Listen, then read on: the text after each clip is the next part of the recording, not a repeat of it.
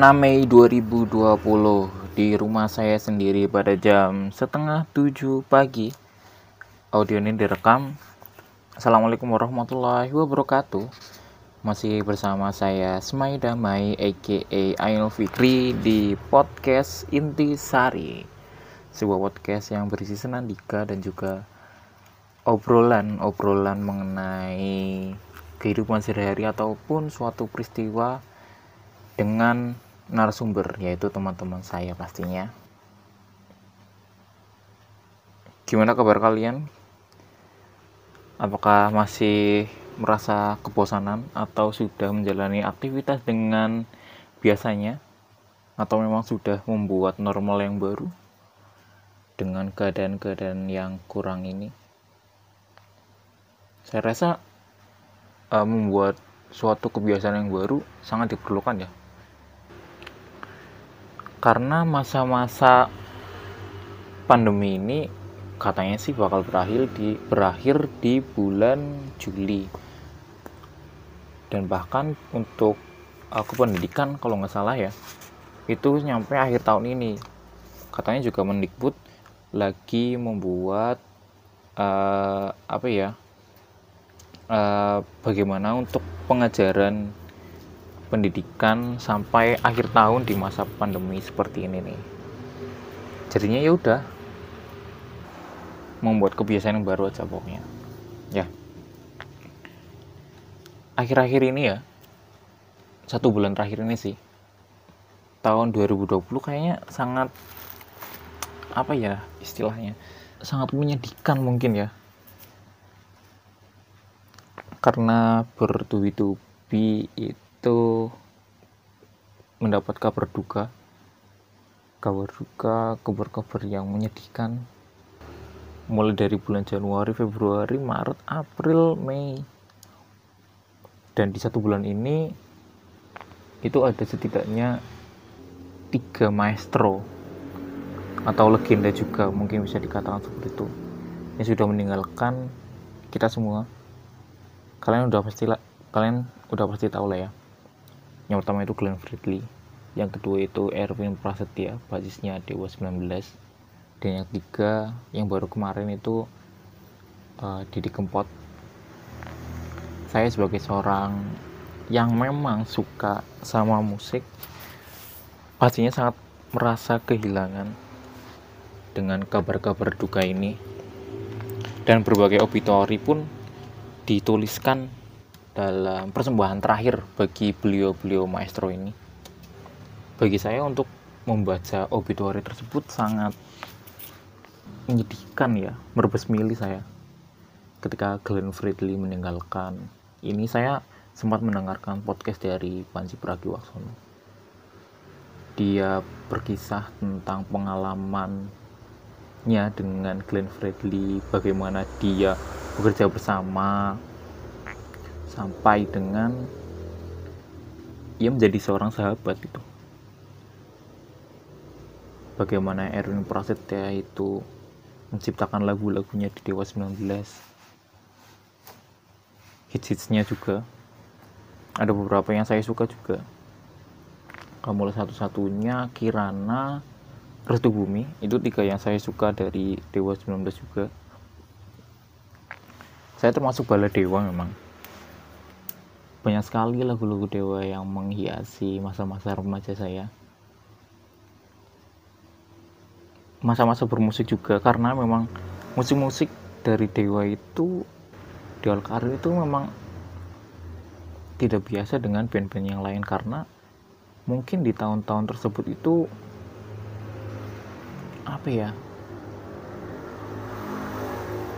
jarang ada musisi dari daerah maksudnya daerah itu di luar Jakarta yang bisa sukses di uh, ibu kota atau secara se, secara nasional itu Dewa kan kita tahu dari Surabaya kan ya. Itu bisa mengeluarkan album pertamanya dengan ke, dengan keberhasilan yang sangat sukses di nasional itu. Dan yang ketiga itu yang sering kita uh, istilahkan the godfather of broken heart. Pak D Didi Kempot di mana itu secara mendadak juga pasti banyak sekali orang yang kaget dengan kabar kematian beliau. Saya juga termasuk yang terkejut juga. Karena secara mendadak beliau itu hmm, dikabarkan meninggal saya baca pertama kali itu di Twitter. Pagi-pagi hari Selasa kemarin. Di mana itu tuh e, langsung banyak sekali portal berita itu mengabarkan diri Kemot meninggal dunia. Dan itu belum belum ada sebab belum ada yang tahu itu sakit atau karena apa gitu. Dan secara secara apa ya secara masifnya itu teman-teman saya pun membuat status. Entah itu snap buat di Instagramnya ataupun di Twitter mendoakan beliau dan juga turut berbelasungkawa karena kehilangan sosok yang menjadi inspirasi bagi terutama bagi musisi-musisi musisi-musisi yang ada di Indonesia atau secara umum sobat ambiar yang banyak disebut sobat ambiar. Karena memang kedekatan kedekatan lagu-lagunya dengan lirik yang dibuat dengan para pendengarnya itu kuat gitu. Jadi penggemar-penggemar penggemar-penggemarnya dari diri kemot ini memang fanatik sekali. Karena mereka merasa lirik dari lagu-lagu atau karya-karya diri Kempot itu sangat mewakili perasaannya. Yang katanya katanya Gusmul Agus Magelangan itu karya-karya dari Didi Kempot itu adalah yang membuat kita patah hati tanpa harus jatuh cinta. Sangat mendalam. Banyak sekali saya juga melihat di di meme-meme mungkin atau di media sosial saya kalau ada konser Didi Kempot itu uh, sobat Amir itu merebus mili. Bahkan sampai nangis kejer. Saking menghayatinya dengan lagu-lagu karya beliau ini. Berarti kan memiliki magis ya? Setiap liriknya itu dibuat dengan sepenuh hati. Nggak salah-salah.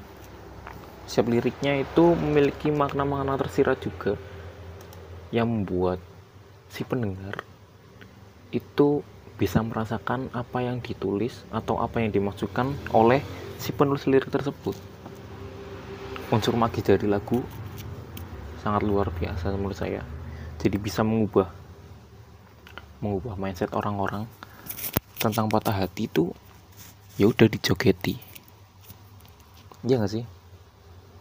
Ya patah hati kan itu suatu emosi negatif ya. Dan emosi negatif tersebut patah hati maksudnya perlu diluapkan. Diluapkan tapi dengan kegiatan positif. Ya gimana caranya ya? Jogeti aja mau. Iya banyak yang ngomong kayak gitu. Walaupun patah hati, tapi bisa disogeti asik buat ya sebuah semboyan yang sangat hmm, paradoks mungkin ya. Bisa berbanding terbalik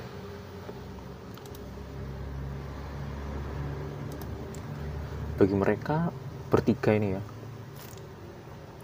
sudah saya anggap sebagai legenda karena karya-karya mereka. Saya belajar banyak sama mereka.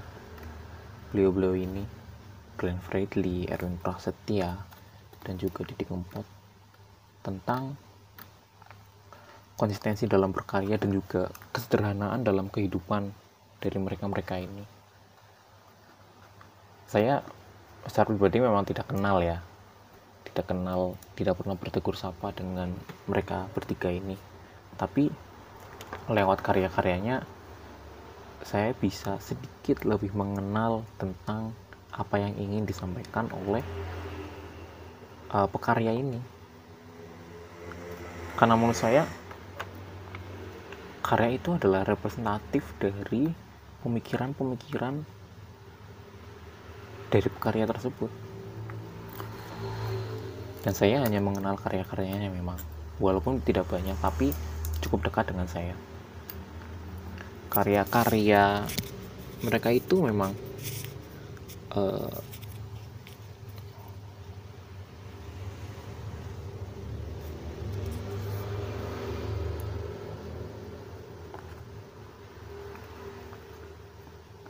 beliau-beliau ini dalam berkarya menurut saya juga uh, melakukannya dengan sepenuh hati. Mereka mereka konsisten dalam hal yang dilakukannya. Coba lihat sih Glenn Fredly Edwin Prasetya sama Didi Kempot itu sudah berkarya sebelum tahun 2000-an sudah 20 tahun lebih. Bahkan Didi Kempot tahun ini 30 karir berkarya 30 tahun karir dalam karyanya. Glenn Fredly pun 20 20 tahun lebih lah ya. Erwin juga ya sama Dewa. Walaupun sempat Erwin itu kan sempat uh, keluar dari Dewa ya. Mungkin karena apalah sama Dewa. Nggak terlalu paham juga. Tapi kan karya-karya yang dibuatnya juga itu masih dibawakan sama Dewa ketika konser. Entah itu Dewa 19 yang masih utuh ataupun saat reunion. Saat reuni. Itu masih dibawakan karena itu semacam lagu wajib yang harus dibawakan Dewa 19 saat konser. Dan banyak sekali bala dewa yang menyukai lagu-lagu tersebut. Dan inilah yang membuat kedekatan secara personal dari si pekarya dengan yang menikmati karyanya. Walaupun kita tidak pernah mengenal sekalipun bertegur sapa ya. Tapi bisa mengenal lewat karya yang dibuat. Karena itu memang dekat dengan diri si karya tersebut. Bahkan uh, saya juga sempat membaca berita-berita Glenn Fredly dan juga hmm, Didi Kempot ini kan sebelum wafatnya beliau itu masih sempat dalam uh, apa ya? Dalam dalam pengumpulan donasi kepada orang-orang yang masih terdampak pandemi ini. Jiwa-jiwa sosialnya masih ada loh. Kepedulian terhadap sama. Dan ini yang seharusnya bisa dimanfaatkan bagi para musisi, artis seniman, influencer untuk membuat membuat apa ya dampak positif dari apa yang apa yang mereka bisa lakukan karena dengan uh, kekuatan yang besar dari mereka itu bisa membuat tanggung jawab yang besar juga. Karena influencer-influencer tersebut bisa menggerakkan orang-orang yang biasa. Mungkin seperti saya juga. Itu tergerak hatinya dalam mungkin membantu dalam kemanusiaan juga kepedulian-kepeduliannya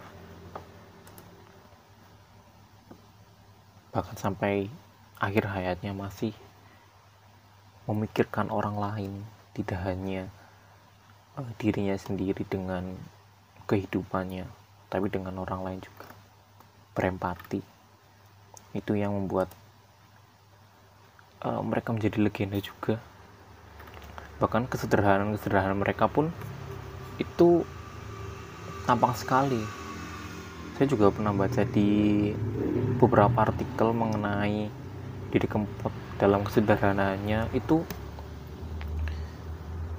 kepada orang-orang yang dia baru kenal masih uh, memakai bahasa kromo inggil yang barunya kenal ya.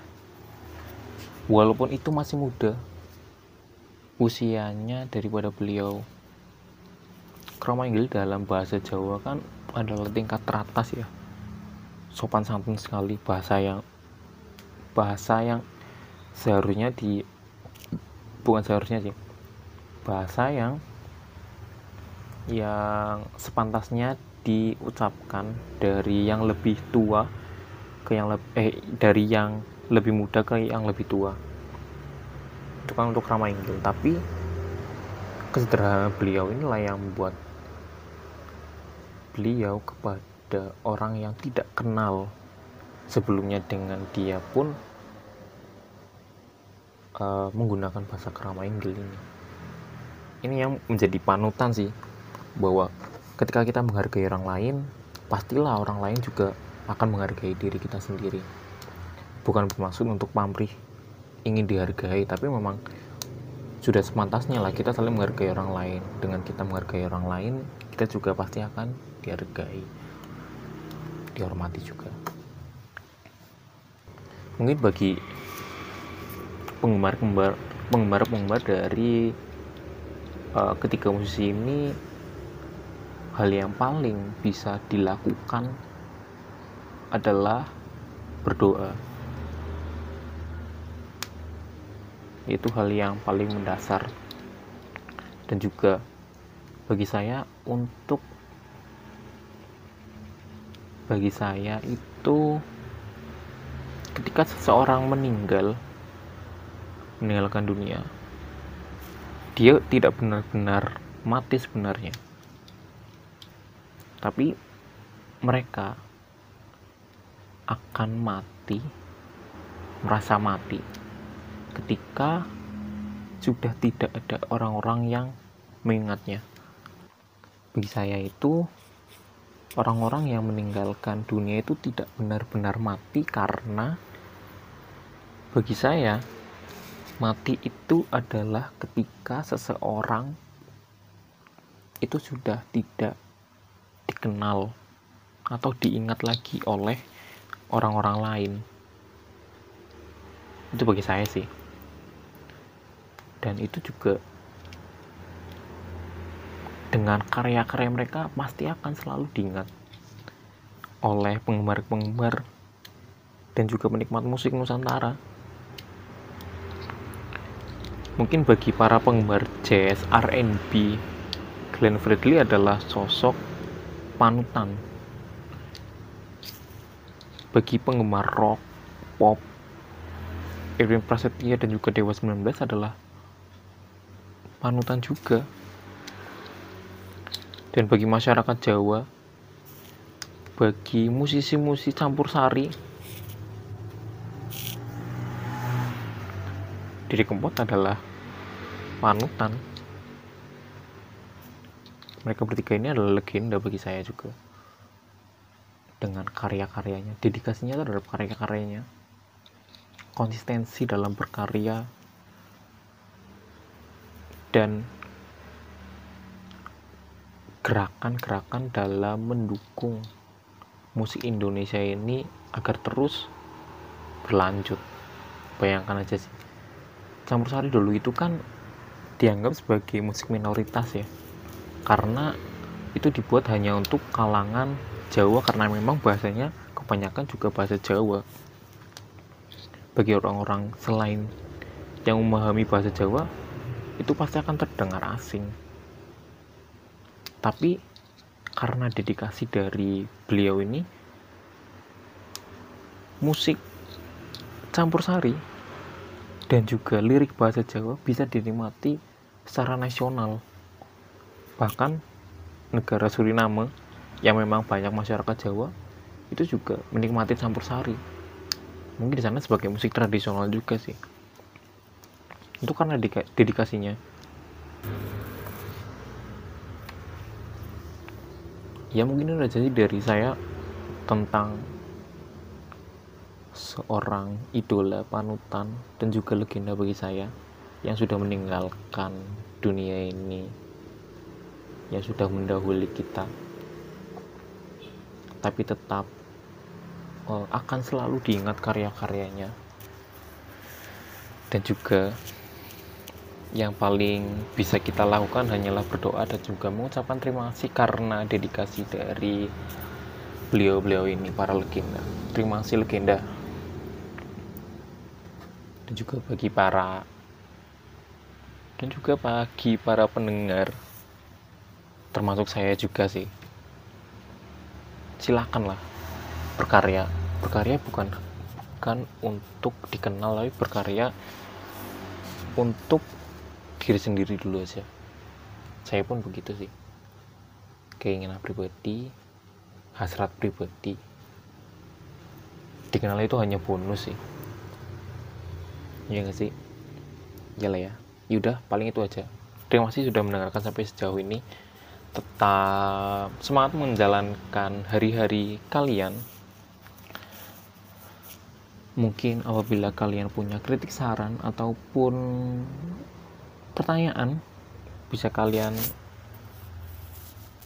uh, hubungi saya sendiri aja di kontak person yang saya cantumkan di podcast ini. Silahkan bisa dihubungi. Terima kasih. Cukup sekian dari saya. Uh, intinya adalah bukan intinya sih untuk closingnya ya closingnya. Bagi teman-teman jangan lupa untuk tetap berisi dan juga tetap berinti wassalamualaikum warahmatullahi wabarakatuh